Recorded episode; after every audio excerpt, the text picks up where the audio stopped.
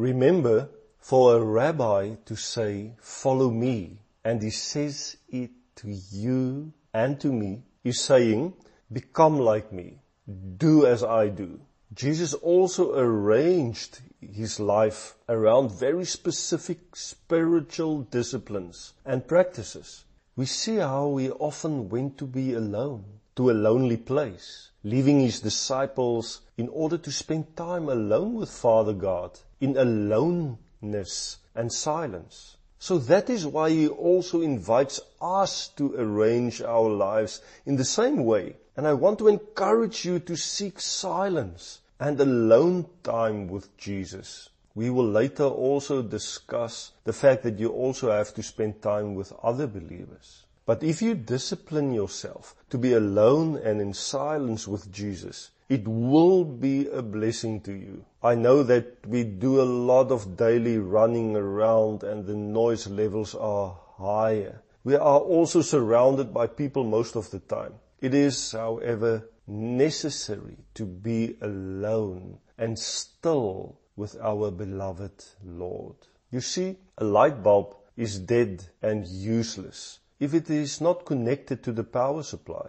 Yes, there is electricity present and available, but only when the light bulb is connected does it become light in the darkness. Through the power that is inside the light bulb. And once connected, it functions. The light of the life of Jesus in us shines when we are connected to Him through spending quiet time daily with Him. That is also why Jesus said, I am the vine, you are the branches. If any man remains in me and I in him, he will bear much fruit.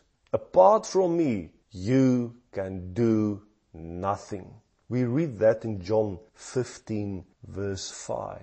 The danger is that often we are being misled and tempted to spend more time to produce fruit and so we work harder. In the meantime, the secret lies somewhere else. The secret lies in the deep connection between the vine and the branches because the fruit is, in the end, only the fruit of the vine. It is not the fruit of the branches. The branches are only the carrier of the sap from the vine that brings forth the fruit. I call on you to spend time with Jesus in following Him, to give ourselves to Him so that we can be changed into His image, the image of Jesus Christ. To say to Him, change me. Yes, so you have heard Jesus say, come follow me. He says it to you. He says it to me. He says, come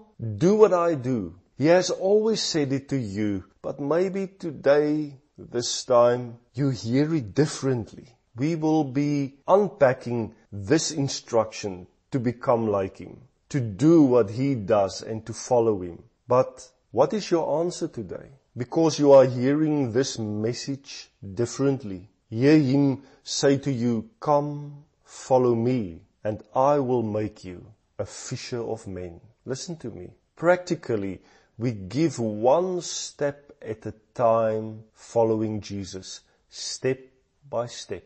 There are new discoveries waiting on the horizon, a new life that you will experience and participate in. Peace, abundance and joy which you will experience on the journey following Jesus step by step.